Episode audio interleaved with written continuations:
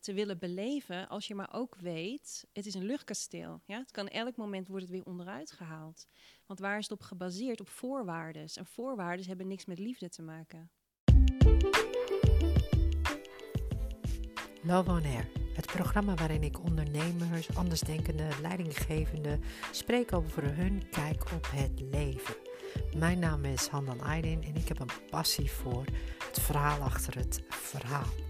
Vandaag een deel uit het programma Amsterdam Talk Sex, wat in het Pleittheater is opgenomen.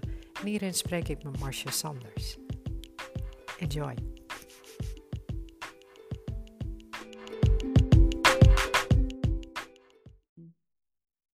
En hoe kom je nou op deze weg terecht? Laten we daar, eh, laten we daar eens mee beginnen. En dan gaan we, daarna, we gaan daarna dan een filmpje doen. Maar hoe kom je op, op, op deze weg? Want je zegt al, weet je, als kind had ik dat al. Dus blijkbaar zat het al heel sterk in je. Ja.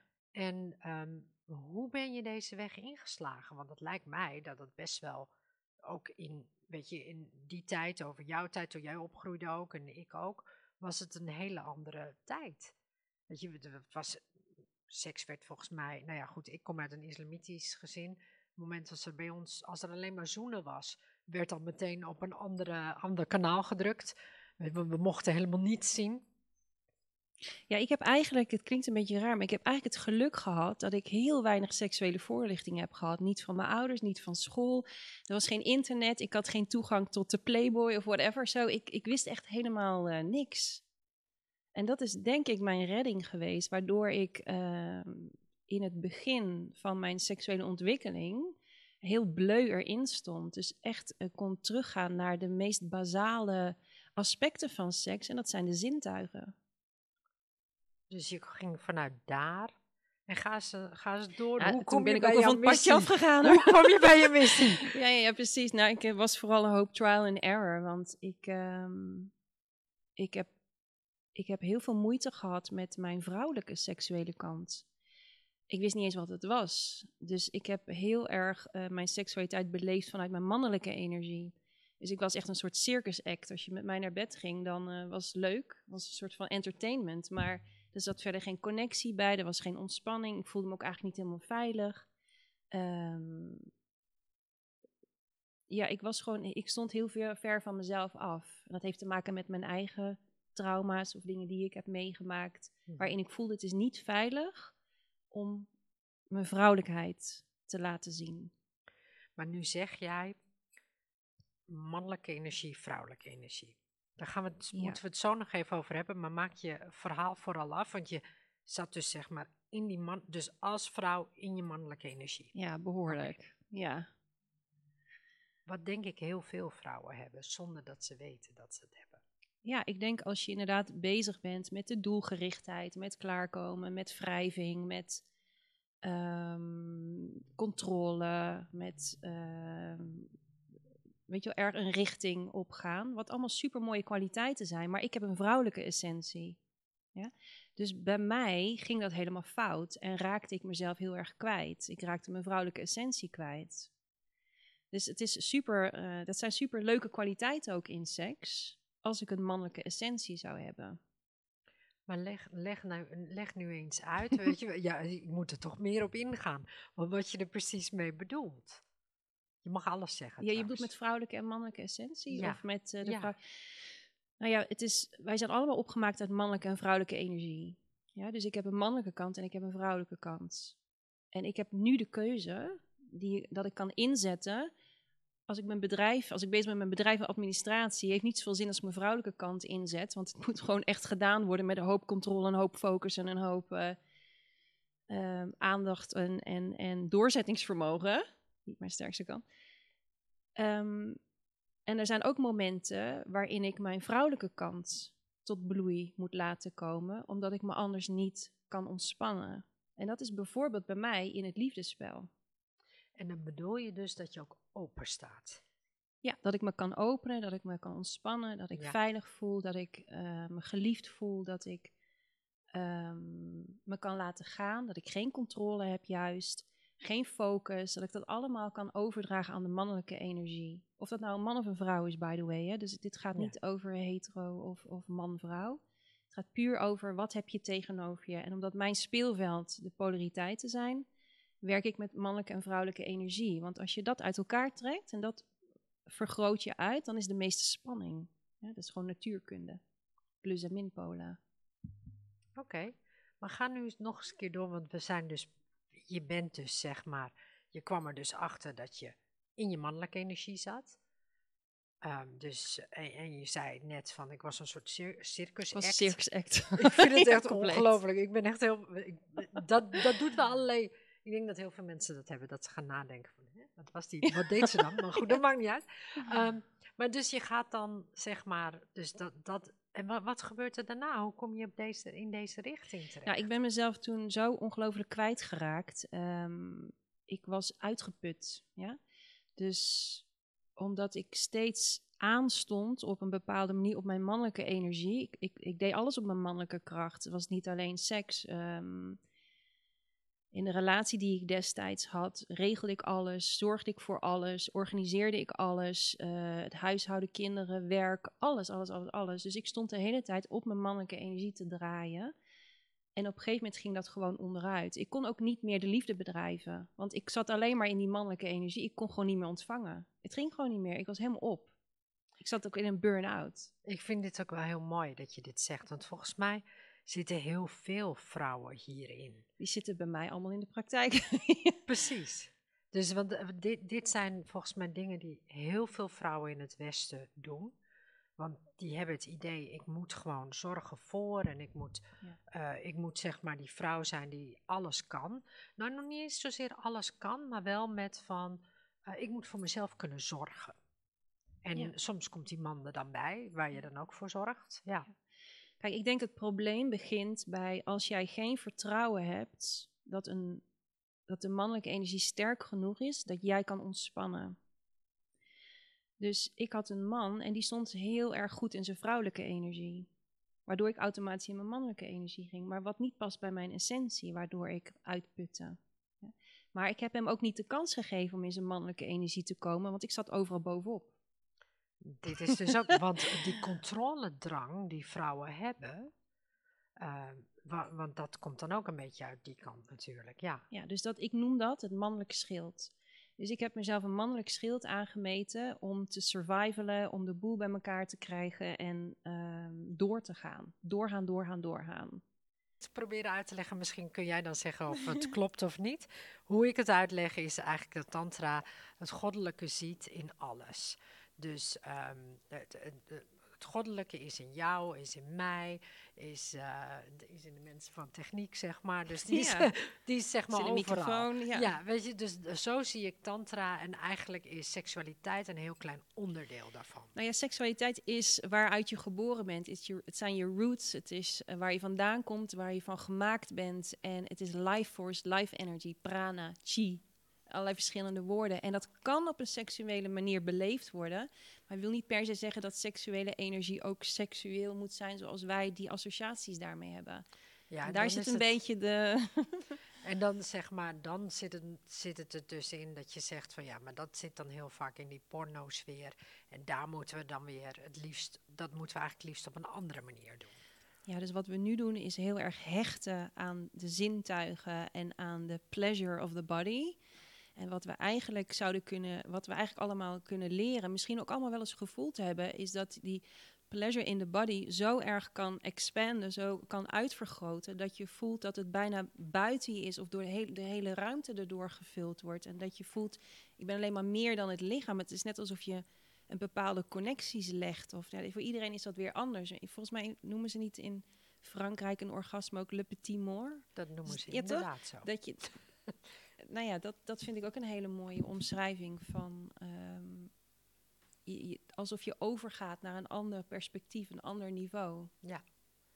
Dat klinkt mooi. Maar je gaat daar vandaan, via die Shakti Yoga, Tantra. Dus kom je zo bij jouw missie terecht? Is dat zeg maar van dit is de weg en, en toen ben je begonnen met trainingen? Of? Ja, ik, omdat ik merkte dat er zoveel vrouwen zijn die um, die zeg maar leven, werken uh, op die mannelijke energie. Wat gewoon helemaal nergens op slaat, totaal geen zin heeft, totaal uitputtend is. En waarom zou je een competitie drijven met mannelijk en vrouwelijk? Dat is een beetje het probleem, denk ik, van de hele planeet. Van deze maatschappij. Van deze maatschappij is, is, is, we, we zoeken competitie tussen mannelijk en vrouwelijk. En wanneer leren we nou eindelijk eens een keer dat die vrouwelijke kwaliteiten hun doel hebben en dat de mannelijke kwaliteiten hun doel hebben en dat dat dus prachtig samengaat in dat samenstel van samenspel van polariteiten, niet in het samensmelten. Ja, dit is ook wel. En wat bedoel je daar precies mee? Dus niet in het samensmelten. Leg dat eens uit. Ehm. ik ben van nature heel nieuwsgierig. Hè? Dus voor mij is dit. Uh, ja. Ik zit te denken, hoe kan ik dat zo goed mogelijk uitleggen? Hoe belangrijk het is dat we eren wat geëerd moet worden, wat zijn eigen plek heeft. Dus de mannelijke energie en de vrouwelijke energie is, uh, zijn twee verschillende uh, componenten die bewegen van elkaar af. Of ze trekken elkaar aan of ze stoten elkaar af. Maar er is altijd dynamiek en er is altijd beweging, er is altijd groei. Daarom zijn die allebei belangrijk. Als die mannelijke energie groter wordt en die vrouwelijke energie kleiner, zoals je nu ziet in de maatschappij, en dat we mhm. helaas nog steeds leven onder een patriarchale systeem, wat voor mannen niet werkt en wat voor vrouwen niet werkt ja, we zien dat door uh, dat de wereld bezig is met uh, profit, uh, weet je, winst, depletion of the planet. En het gaat heel erg over hoe krijgen we meer, meer en meer. En we zijn het al bijna gewend dat dat zo is. Maar als je ook nog kijkt, steeds kijkt naar oude tradities zoals huwelijken, hebben vrouwen nog steeds de naam van hun man. Ik bedoel, vind het super romantisch. Ik zou het ook doen als ik zou gaan trouwen. Maar het gaat om van hoe raar is dit eigenlijk? Hoe kan het zijn dat die mannelijke values zo ontzettend groot zijn en de vrouwelijke waarden zo weinig plek hebben op deze planeet? Terwijl als je kijkt naar hoe de planeet eraan toe is, is het echt niet goed. Ik wil toch nog even terug naar eigenlijk jou, een deel van jouw verhaal waarin je zegt van. Um, ik zat toen in mijn mannelijke energie en nou, je kwam in een burn-out terecht. Volgens mij hebben wij het gehad over uh, het filmpje Mijn Seks is Stuk. En ik wil toch een klein stukje van, uh, van een interview van uh, Matthijs van Nieuwkerk of de, de Wereld Draait Door laten zien. Waarin je heel mooi ziet hoe die mannen reageren op die dame. Die eigenlijk dat filmpje heeft gemaakt van mijn sexy stuk. Want jij zei van daar heb ik wel wat over, uh, over te zeggen. Daar heb ik wel iets over te zeggen. Dus we gaan vijf minuten eh, kijken als het, uh, als het kan. Wat ik nu zeg, ik, ik vond het, uiteindelijk heb ik het bewonderd, maar ik had het er ook ongemakkelijk mee. Waarom? Omdat ik dacht, oh, ik had het met je te doen. Want er zijn zoveel leuke dingen. Bijvoorbeeld eindeloos iemands neusvleugel zoenen. Dat is al zoveel leuker dan dat geprop en gedoe. Klopt, ja. Uh, dus ik, dat, dit was zo ontzettend pik en ik gericht. En er zijn zoveel variaties mogelijk. Ja. Dus ik, ik zat als een oude meneer te, een beetje naar je te roepen. Ik vind, vond het apart hoe die mannen erop reageerden. Ik vond het leuk om te zien hoe zij, wat, wat zij erover te vertellen had. Omdat dit net, net weer iets dieper gaat dan de documentaire zelf. Ehm, en ik vond het ook heel uh, interessant hoe Adriaan van Dis erop reageerde. Echt totaal andere hoek van wat gaat er gebeuren met je kinderen. En wat, dat je ook dacht van oké, Adriaan. Maar goed, het is misschien wel inderdaad een generatiekloof. Ik denk als je geluisterd hebt naar wat ze zei, als je de essentie eruit pikt, heb je gehoord dat zij seks gebruikt als strategie. Daar zit het probleem. En maar dit is dus heel interessant, want het lijkt alsof wij vanuit onze historie. Want we hebben het net gehad over, uh, weet je, hoe kan het nou dat we in een paternalistische maatschappij zitten? Vrouwen moeten bijna vanuit historie, moeten ze zich um, ten opzichte van mannen uh, strategisch plaatsen, lijkt het wel, hè? En wat bedoel je daarmee? Nou, doordat je bijvoorbeeld, um, kijk, je wil, uh, je wil die man houden, oh, okay. je wil uh, kinderen met die man, dus die man moet bij jou blijven, weet je. Dus die, die, die, die strategie uh, ja. zit er een beetje achter. Ja. En um, ik denk dat heel veel vrouwen uh, het idee hebben: als ik geen seks heb met mijn man, als ik niet beschikbaar ben voor seks, dan, dan gaat die man bij me weg. Bij mij is dat ook daadwerkelijk gebeurd. Ja, in de je ziet in de, in de, in de documentaire zie je ook dat, dat, die, dat die jongen ook zegt, die man ook ja. zegt van. Als jij geen seks met me wil hebben, ja. dan ga ik, het zo, ga ik het ergens anders zoeken. Ja, ja, precies. En zolang wij seks nog steeds gebruiken als een middel tot een doel, uh, kom je in, blijf je in de problemen zitten. En blijf je in je relatie met problemen. Uh, die blijven komen. Maar hoe dan, Marcia? hoe dan? Hoe dan? Even in drie minuten. Um, wat ik haar zou adviseren sowieso is eerst gaan naar wat is jouw authentieke seksuele beleving? Waar ga je van aan? Ga kijken naar je zintuigen. Is dat iets wat je ruikt, eet, proeft, ziet? Um, waar zitten uh, de blokkades op seks? Is er body shame? Dat is ook trouwens een heel interessant waar die vandaan komt. In de mhm. jaren 50 was er toen body shame. Dat is echt iets van de laatste tijd. Ja. Um, heeft het te maken met, uh, ik denk, onze grootste vijand op dit moment als het gaat over de liefde is Disney. Ja. Net als de pornografische industrie. Uh, onze vijand is als het gaat over seks. Ja, maar dat is ook wel interessant. Porno lijkt voor mannen, Disney lijkt bijna voor vrouwen. Weet je, die, die hele romantische liefde die wordt geschetst. Waar alle vrouwen graag. Uh, weet je, ik, ik heb het nooit gehad hoor. Ik heb nooit gedacht van ik wil, in, ik wil trouwen of in een witte jurk. Maar het zijn echt, ik denk 90% van mijn vriendinnen wel. Ja, en, en er is op zich ook niks mis mee om die romantiek. Uh, uh, te willen beleven, als je maar ook weet, het is een luchtkasteel. Ja? Het kan elk moment wordt het weer onderuit gehaald. Want waar is het op gebaseerd? Op voorwaarden. En voorwaarden hebben niks met liefde te maken. Dus we hebben één, één golf van twee, drie golven van feminisme gehad.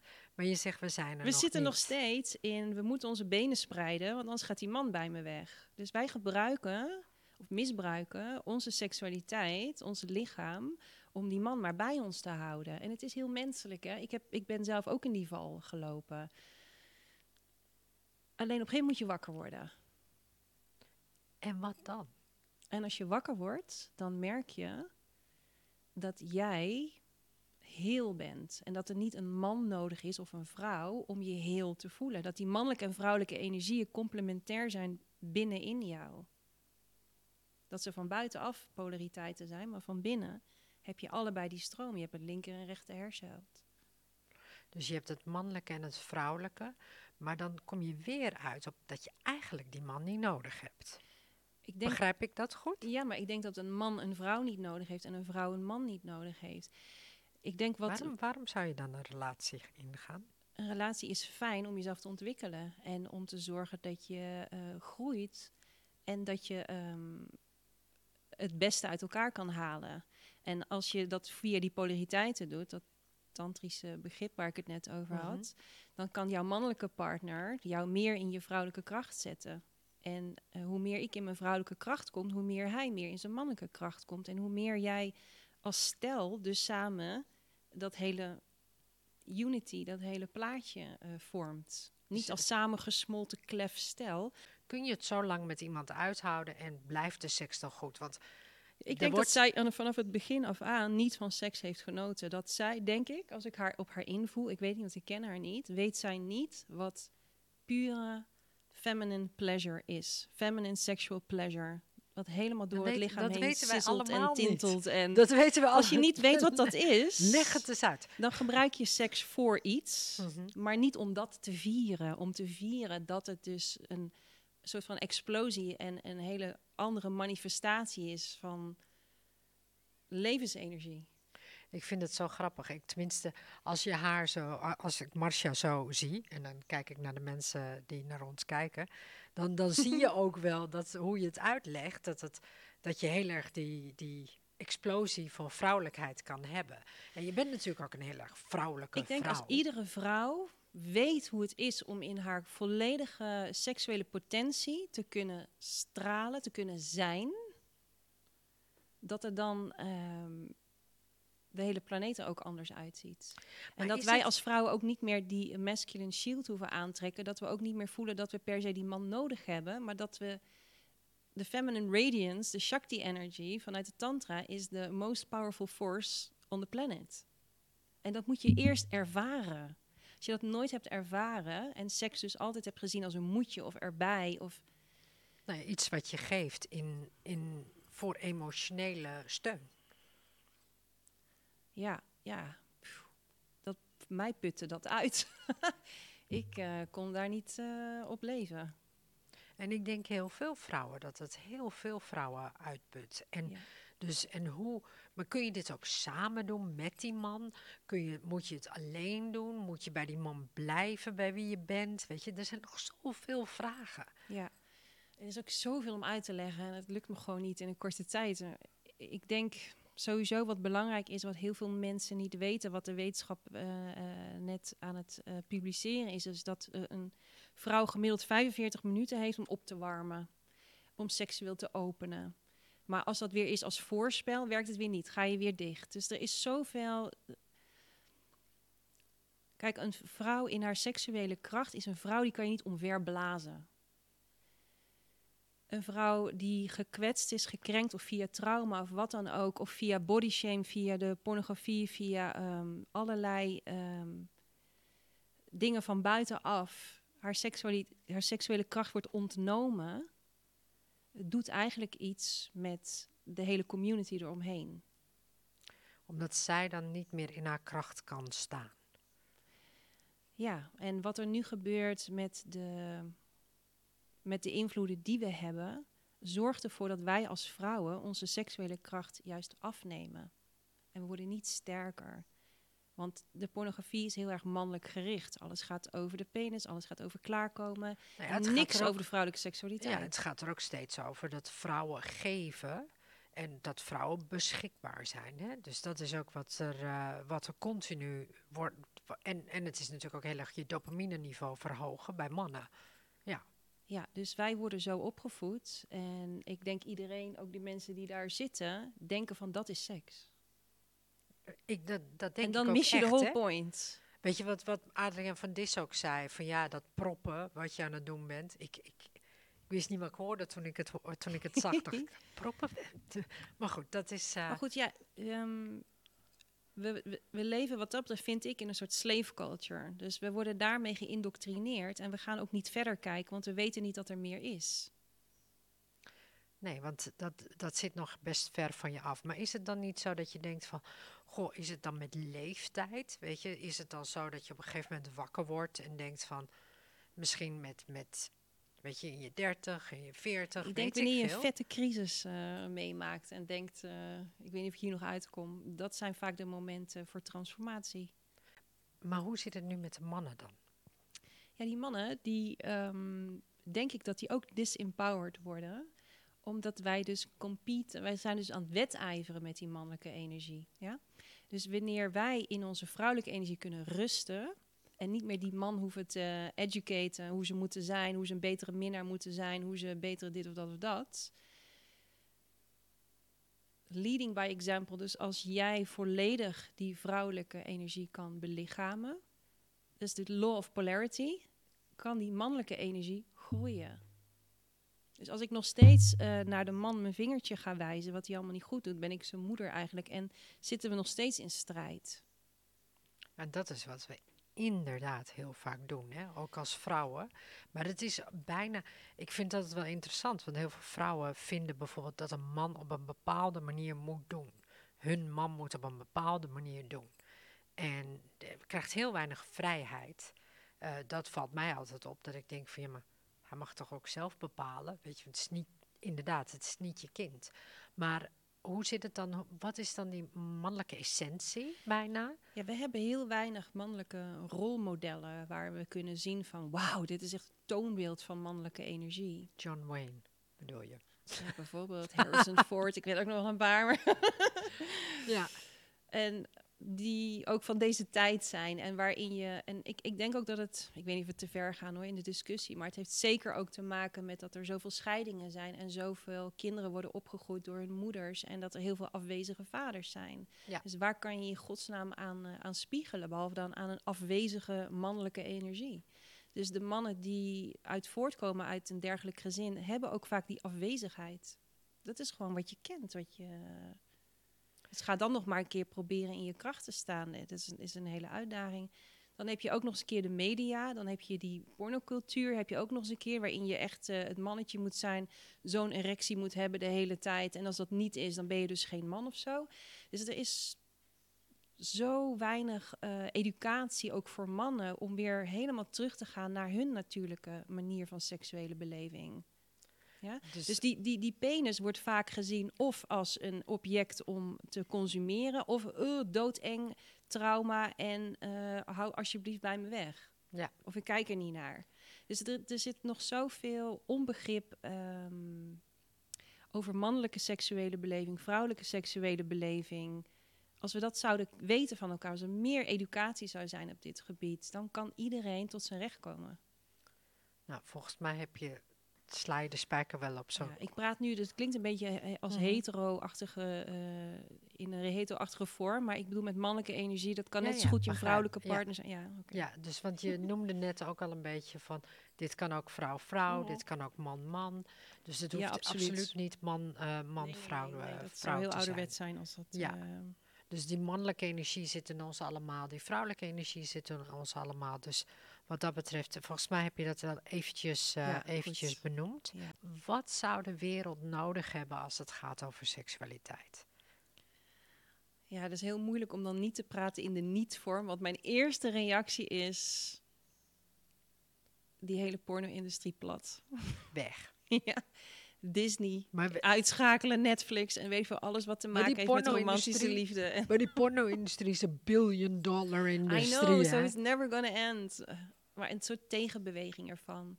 Dus dat er een hele uh, kanalen komen met uh, normale vrouwen, normale rondingen, zonder plastic, zonder opgeblazen borsten. Uh, in het liefdespel, wat super lang duurt. met haar overal. Met ehm, mensen waarvan je kan zien: wauw, die beleeft plezier. Huh? Dat heb ik nog nooit gezien. Hoe, hoe kwetsbaar dat is en hoe delicaat en hoe Weet je, als het dan toch moet via beeld, dan zou dat een fantastische tegenbeweging zijn. En wat heeft de wereld nodig? Um, ik denk een nieuwe seksuele revolutie. Terug naar de authentieke, natuurlijke manier van seksuele beleving. Met begrip van het verschil tussen mannelijke en vrouwelijke energie.